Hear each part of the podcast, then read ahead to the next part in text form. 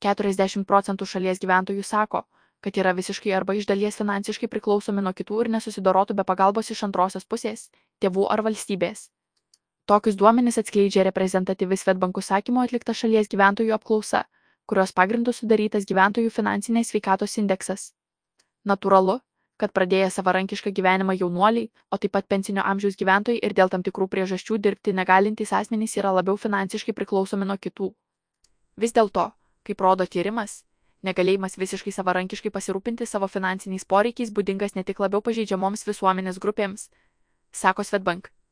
Finansų instituto vadovė Juratė Cvilikienė.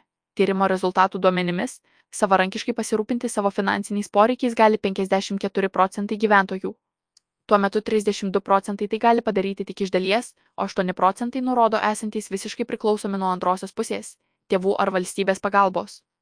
Daugiausia tokių gyventojų, kurie visiškai arba iš dalies finansiškai nesusidorotų savarankiškai, yra tarp 18-29 metų amžiaus 47 procentai. Bei 40-49 metų amžiaus 44 procentai grupių gyventojų išryškėjo skirtumai tarp lyčių.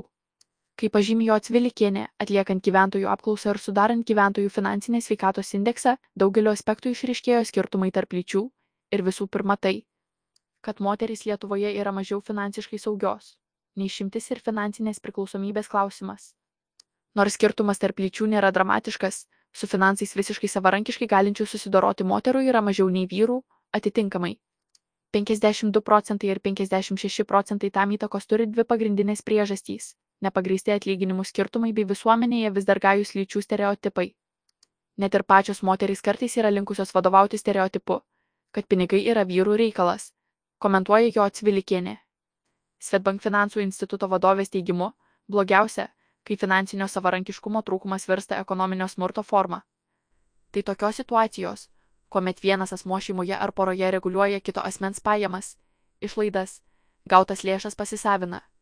Retesniais atvejais ekonominis smurtas gali įgauti ir dar sunkesnės formas, kai vienas iš poros ne tik reguliuoja kito kasdienius finansus, bet ir neskiria lėšų būtinosioms išlaidoms, pasisavina turtą.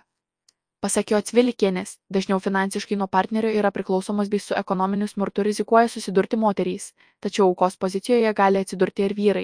Kodėl svarbu būti finansiškai nepriklausomu? Finansų ekspertė atkreipė dėmesį, kad gebėjimas patenkinti savo finansinius poreikius nesikliaujant kitais yra itin svarbi kiekvieno žmogaus finansinio saugumo ir emocinės ramybės sąlyga.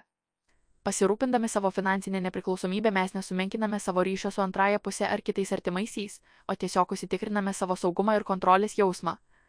Galbūt dabartinėme mūsų gyvenimo etape tai mums netrodo aktualu, tačiau svarbu būti pasiruošus galimiems netikėtumams, kurie, kaip taisyklė, dažniausiai nutinka netikėtai, sako jo atsvilikienė. Kaip pastebi Svetbank finansų instituto vadovė, jei didesnio finansinio savarankiškumo nepavyksta pasiekti dėl palyginti nedidelių gaunamų pajamų, o jas padidinti yra sudėtinga. Vertėtų pasirūpinti bent jau asmeninėmis santaupomis. Sukauptas 3-6 mėnesių būtinųjų išlaidų dydžio finansinis rezervas neabejotinai sukurs daugiau finansinio saugumo ir užtikrintumo.